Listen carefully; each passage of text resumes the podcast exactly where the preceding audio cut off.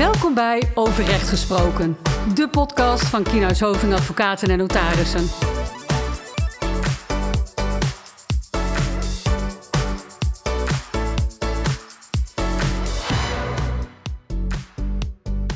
Welkom bij een nieuwe podcast van de serie Over Recht Gesproken van Kienhuis Hoving Advocaten. Mijn naam is Astrid Kiewiet, advocaat gezondheidsrecht.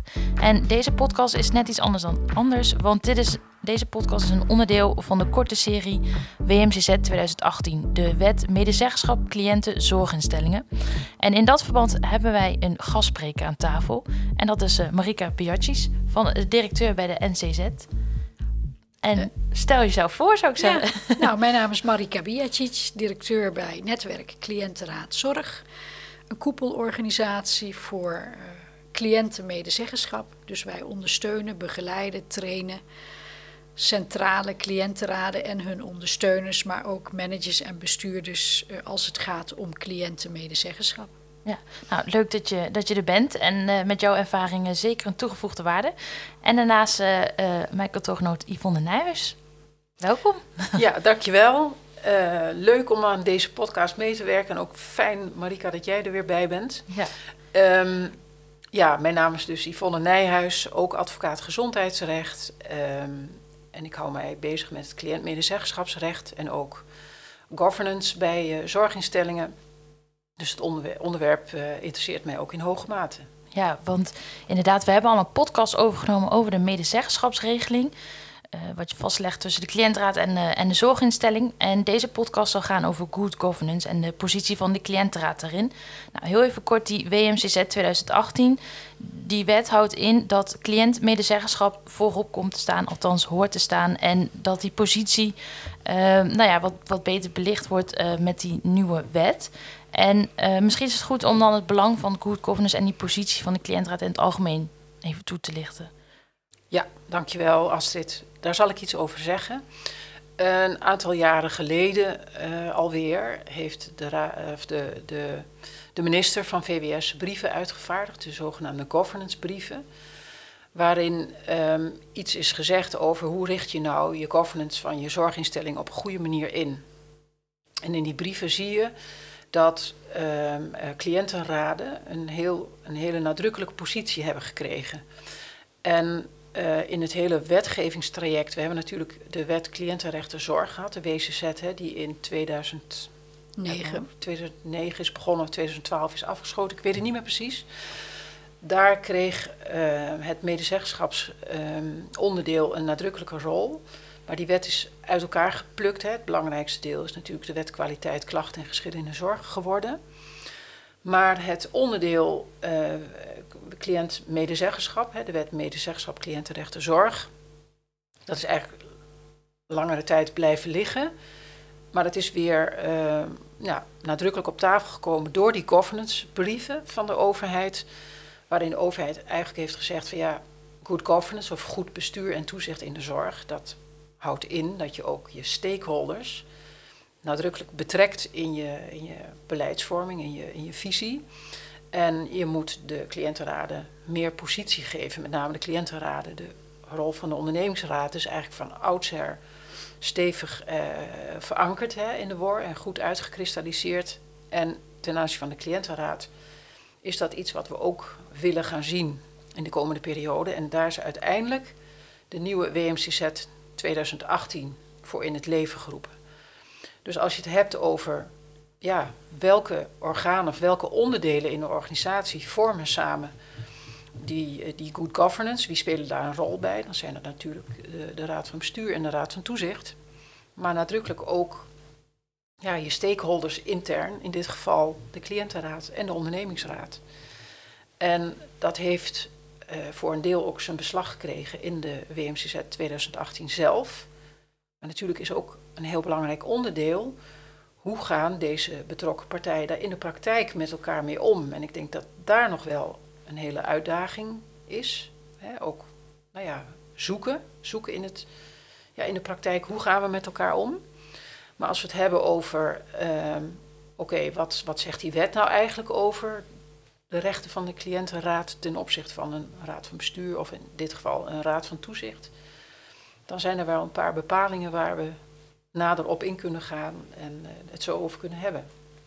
Marika, als je deze inleiding zo hoort, wat eh, is dat voor jou herkenning? Want jij bent heel nadrukkelijk ook bij het totstandkomingsproces betrokken geweest. Ja, ja, dat klopt. Bij eh, de totstandkoming van de WMCZ 2018.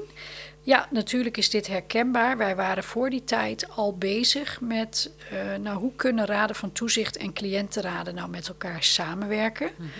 We hebben daar ook een overeenkomst voor opgesteld, hè, een soort afspraken tussen beide partijen, omdat dat toen nog niet geregeld was. Nou, inmiddels is het dus wettelijk geregeld. En wat stond er in die overeenkomst? Ja, wat stond daar zo al in? Eh, dat ging met name over het nieuwe toezicht houden. Dus een proactievere rol voor de Raad van Toezicht. Eh, dat zij ook, behalve toezicht houden op het beleid van de bestuurder, met name ook kijken hoe is het cliëntenperspectief meegewogen in het besluit. Ja. Wat natuurlijk ook het doel is van de WMCZ 2018, dat de kwaliteit van besluiten mede vanuit het cliëntenperspectief plaatsvinden. En uit alle evaluaties bleek tot nu toe dat dat onvoldoende gebeurde. Eh, en volgens ons kan het ook alleen maar verbeteren als alle partijen daaraan meewerken. Dus ook die Raad van Toezicht. Dus daar ging met name die overeenkomst over. Ja. Eh, ja, inmiddels is het dus in de wet vastgelegd. Hè. Partijen moeten met elkaar overleggen. En nu is het nog zaak om daar handen en voeten aan te geven. En wat zie jij in de praktijk? Zie jij initiatieven? Zie jij instellingen waar het heel vanzelfsprekend al... Nou, instellingen waar het heel vanzelfsprekend is, die zie ik eigenlijk niet. Eh, wat ik bijvoorbeeld voorheen hoorde vanuit de ziekenhuizen. Nou, wij mogen dan op de nieuwjaarsreceptie komen en dan mogen we een broodje eten met de Raad van Toezicht, maar we mogen geen vragen stellen. Oh ja. Dus daar werd best wel heel gespannen mee omgegaan. Ehm, nou, dat wordt wat losser, hè, want partijen zijn zich meer bewust van, eh, ja, van die good governance en, en dat het dus nodig is. En ook komen er, denk ik, andere toezichthouders. Die dat ook wat beter, die, die rol, taak en functie wat beter, eh, of, of anders, beter moet ik misschien niet zeggen, maar anders in willen gaan vullen Ja, die dan dat voorheen. cliëntenperspectief ook vanzelfsprekender eh, Ja. vinden, denk ik. Hè? De, Ja. de klant überhaupt, hè? Maar cliëntenraden zijn er wel mee bezig. We hebben onlangs twee webinars georganiseerd over de samenwerking tussen de Raad van Toezicht en de cliëntenraad. En daar was veel belangstelling voor. En ook zijn we in overleg met eh, de andere koepelorganisaties van cliëntenraden en de Nederlandse Vereniging voor Toezichthouders in de Zorg. Om te kijken, kunnen we een gezamenlijke leergang ontwikkelen die zowel voor toezichthouders als voor cliëntenraden wat toevoegt. En kunnen we die partijen ook bij elkaar brengen? En wat zijn dan vragen die worden gesteld? Waar loopt men tegenaan? Ehm, nou, een van de hele grote vragen is: mogen wij met de Raad van Toezicht overleggen zonder dat de bestuurder daarbij aanwezig is? Ja, dat is meteen is een, is een, eh, belangrijk punt. Dat is ook een van de punten die we terugzien in de wet. eh, Letterlijk in de wet geregeld. Dat de cliëntenraad één keer per jaar minimaal het overleg heeft met de Raad van Toezicht. En ehm, dat het in dat overleg bepaalde afspraken kunnen worden gemaakt over... oké, ik heb naar jullie geluisterd en dat gaan we meenemen.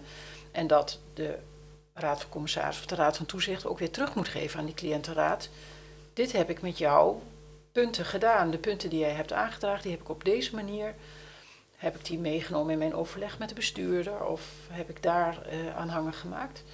En dat kan dan in het overleg het jaar, het jaar daarop terug worden gekoppeld, maar mag ook eerder, liever, denk ik, hè, want anders blijft het weer zo liggen of schriftelijk. Dus dat punt is nu inderdaad verankerd in de wet. En in de eh, governance code zorg zag je ook al dat eh, dat overleg geregeld is, dat het moet plaatsvinden. En dan is eigenlijk dat dat overleg in principe zonder de bestuurder plaats kan vinden, als dat nodig is voor het goede overleg tussen de Raad van Toezicht of als de, het medezeggenschapsorgaan dat prettig vindt. Het mag ook in het bijzijn van het bestuurder. Ik denk dat dat ook wel afhankelijk is van het onderwerp of hoe het gaat in de organisatie of wat er aan de hand is. En nou ja, het overleg is minimaal één keer per jaar, dus het zou ook nog vaker plaats kunnen vinden als het nodig is. Ja, ik denk dat je dan in je communicatieprotocol, hè, als je Mhm. die hebt, kunt vastleggen. Hè, de in principe zo vaak per jaar overleggen. Ja, eh, wel of niet in het bijzijn van de bestuurder. Of één keer wel, één keer niet. hè, of de helft wel, de helft niet. En daarnaast heb je natuurlijk altijd gewoon het recht en de vrijheid om zelfstandig en onafhankelijk die raad van toezicht op te zoeken als je dat nodig vindt. Maar eh, ja, je vroeg er straks, eh, waar, waar loop je tegenaan Ja, in de praktijk? Hè? Dat, dat is één. Moet de bestuurder daar wel of niet bij zijn? En twee, eh, waar moeten we het dan over hebben? Welke punten moeten wij nou aan die raad van toezicht gaan voorleggen als Dat- cliëntenraad? dat zijn vragen die vanuit de cliëntenraad worden gesteld. Ja. En wat zijn onderwerpen die juist van belang zijn? Ja, nou, ja, die cliëntenraad die kijkt natuurlijk ten alle tijden vanuit het cliëntenperspectief naar het algemene belang. En, en dat gaat over kwaliteit van zorg, veiligheid, de sfeer, de benadering, eh, eh, de voeding, de, de hygiëne, de recreatie. Dus dat kan van alles zijn. Maar met name als je bijvoorbeeld kijkt naar kwaliteit. Er is natuurlijk een, een, een kwaliteitsplan en er is een bepaald kwaliteitsbeleid binnen de organisatie. En dan kan de Raad van Toezicht samen met de cliëntenraad kijken hoe is dat cliëntenperspectief nou geborgd in dat kwaliteitsbeleid. Ja. Een voorbeeld. En zie jij dat instellingen echt eh, bezig zijn om hier goed invulling aan te geven? Of is het nog steeds wel een moetje? Of nou ja, het staat in de wet, ik moet dit doen, het is een formaliteit. Ja, Hoe zie jij dat? Ja, dat is verschillend. Eh, je kunt dat eigenlijk op twee manieren doen. Hè? Inderdaad, als het is een moetje, dus wij doen wat we eh, minimaal moeten doen. En daarnaast eh, zijn we blij als we er vanaf zijn. Of wij hebben een visie op medezeggenschap. En die visie die heeft voor iedere geleding, voor de Raad van Toezicht, voor de Raad van Bestuur en voor de cliëntenraad een bepaalde betekenis en invulling voor hè, ieders rol, taak en functie. En daar hebben we het met elkaar over. En we kijken waar in die driehoek kunnen wij elkaar dan versterken. Helemaal eens. En het lijkt voor de hand te liggen dat iedereen zal kiezen voor dat laatste model. Ja. Hè? Dus je zou zeggen, waarom, waarom zou je het niet zo doen? Maar toch zien we in de praktijk dat het toch nog heel weerbarstig is. Terwijl tegelijkertijd, hè, als ik kijk vanuit mijn eh, werk en wat ik tegenkom, soms in procedures, dan zie ik dat bestuurders en toezichthouders heel erg bezorgd kunnen zijn over als er een conflict is met de cliëntenraad of met de ondernemingsraad. Hè, dan, dan staat de positie van een bestuurder staat soms wel op het spel. Hè, dus dan zou je haast zeggen, joh, weet je, laten we gaan werken aan een goede eh, verstandhouding en een gezamenlijke visie op medezeggenschap. En ook voor een raad van toezicht. Hoe laat ik mij informeren over hoe het met de organisatie gaat? Natuurlijk is de bestuurder een belangrijke bron van informatie, zo hoort het ook. Maar wel degelijk zijn de medezeggenschapsorganen ook volgens mij steeds meer aan zet en van belang voor zo'n eh, raad van toezicht. Ja, zeker. Dus ik En, ben, eh, ik ben heel benieuwd hoe dit gaat ontwikkelen. ja, ik ook. Ja, en in het verlengen daarvan is natuurlijk ook dat het binnen het voordragsrecht voor een lid van de Raad van Toezicht speelt. En het adviesrecht voor een cliëntraad op een profielschets van de Raad van Bestuur en Raad van Toezicht. Nou ja, kort gezegd, eh, in geval van een vacature voor een toezichthouder is het natuurlijk gebruikelijk dat er naast de algemene profielschets voor de gehele Raad van Toezicht een bijzondere profiels- profielschets wordt opgesteld waaraan de ka- kandidaat dient te voldoen. Nou, het staat ook in de governance code zorg, waar we het net al even over hadden. En ten aanzien van die profielschetsen heeft de cliëntraad dan op grond van de WMCZ een adviesrecht. En daarnaast moet de zorginstelling in de statuten ook eh, vastleggen dat een cliëntenraad ehm, he- eh, het binnen de voordragsrecht heeft. En dat is eigenlijk mijn vraag aan jou, Marika. Hoe zie jij in de, in de eh, praktijk, hoe ze daar procedureel vorm aan geven? Hè? Met name ook als je meerdere cliëntraden hebt natuurlijk. Wat, eh, wat zie jij dan? Nou, dat het bindende voordrachtsrecht eh, in het geval van meerdere cliëntenraden bij de centrale cliëntenraad ligt. Dat lijkt me ook wel logisch. Anders krijg je een wat onwerkbare situatie. Maar wat dan wel belangrijk is, is dat zo'n centrale cliëntenraad zijn achterban, in dit geval de lokale raden, raadpleegt. We zijn natuurlijk van de medezeggenschap. Net zoals dat die cliëntenraad zijn achterban moet betrekken en informeren, moet een centrale cliëntenraad dat ook. ten opzichte van de lokale raden. Want die toezichthouder, of dat lid wat wordt voorgedragen, komt natuurlijk wel toezicht houden voor de gehele organisatie. En met name heeft hij dan het cliëntenperspectief als extra in zijn portefeuille. Dus heel belangrijk dat die mensen die daarover gaan, over dat cliëntenperspectief, dat die daar ook draagvlak voor hebben en daarbij betrokken zijn. Ja, en ik denk ook goed om dat in de medezeggenschapsregeling verder vorm te geven, toch? Van hè, welke cliëntenraad komt dat inderdaad toe? Dus ook welke cliëntenraad staat die bevoegdheid af? Uh, ja. ja. Dus ik denk dat daar inderdaad ook weer die medezeggenschapsregeling uh, um, een rol speelt. Um, even kijken, verder nog iemand op of aanmerken ten aanzien van het speelveld van, van hè, wat zien we nu precies gebeuren en um, waar lopen cliëntenraden misschien tegenaan bij nou ja, die, dat speelveld, raad van bestuur, raad van toezicht. Wat gaat wel goed en wat gaat waar nu met die WMCZ 2018 is dan de conclusie, is het verbeterd, verslechterd? Nou ja, die wet is nu natuurlijk pas een half jaar van kracht in een hele bijzondere periode, hè, de coronaperiode, waarin ik ook wel gezien heb dat uh, uh, raden van bestuur zich bijvoorbeeld uh, wat veiliger wanen als ze hun cliëntenraad betrokken hebben bij hele ingrijpende maatregelen. Zoals bijvoorbeeld? Zoals bijvoorbeeld de, sluiting, ja, de, sluiting van het verpleeghuis. Ja. ik heb het gedaan in overleg of met, met instemming van mijn cliëntenraad. Dus waar we vroeger uh, genegeerd werden, worden we nu zelfs wel eens naar voren geschoven hè, om, uh, om het draagvlak te verbreden. Ja, en voor wat betreft uh, de Raad van Toezicht, Raad van Bestuur, Cliëntenraad. Het is heel belangrijk dat ieder zijn eigen rol, taak en functie goed kent. Ik zie nog wel eens gebeuren dat uh, raden van toezicht zich bemoeien met samenstellingen of inhoud van cliëntenraden, terwijl ze daar dus niet over gaan. Dat is echt aan de, aan de bestuurder of terwijl de raad van bestuur.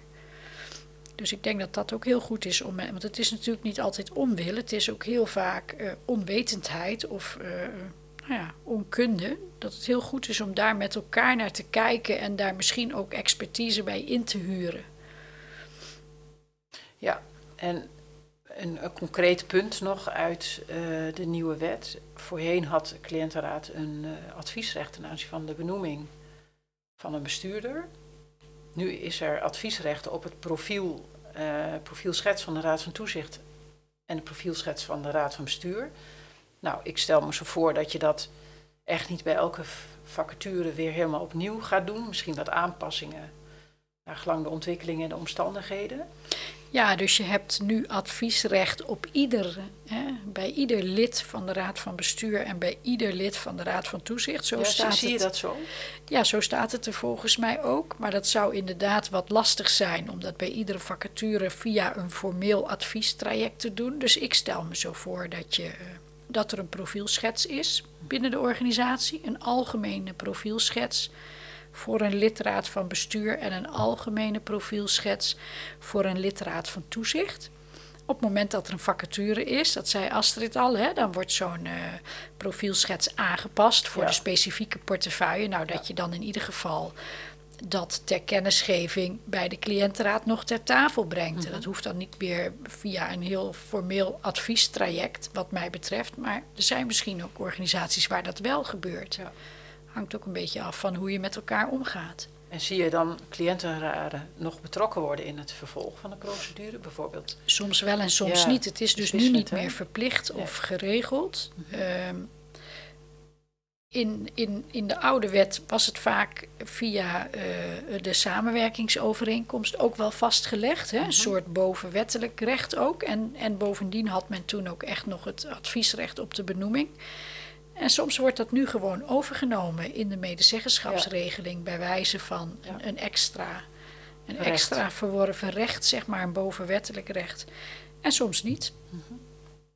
Maar ik denk wel, de prikkel die hiervan uit moet gaan, dus dat je niet meer dat adviesrecht hebt op die ene benoeming, maar dat je dus adviesrecht hebt op de profielschets, is dat je vroegtijdig vooraan betrokken bent en invloed hebt. Ja, want een profielschets zegt ook iets over de organisatie, Ja. waar de organisatie staat en waar de organisatie behoefte aan heeft, Ja. denk ik. Ja. Dus als een cliëntenraad wellicht in die profielschets, hè, die zal in concept worden opgemaakt, zich onvoldoende herkent in van goh, wat heeft deze organisatie eigenlijk nodig? Hè? We, hebben, we hebben eigenlijk veel meer vanuit cliëntenperspectief moeten veel meer aandacht hier en hier en hier voor, voor zijn. Hè? Dus eh, volle aandacht voor een elektro- elektronisch cliëntendossier bijvoorbeeld. Hè?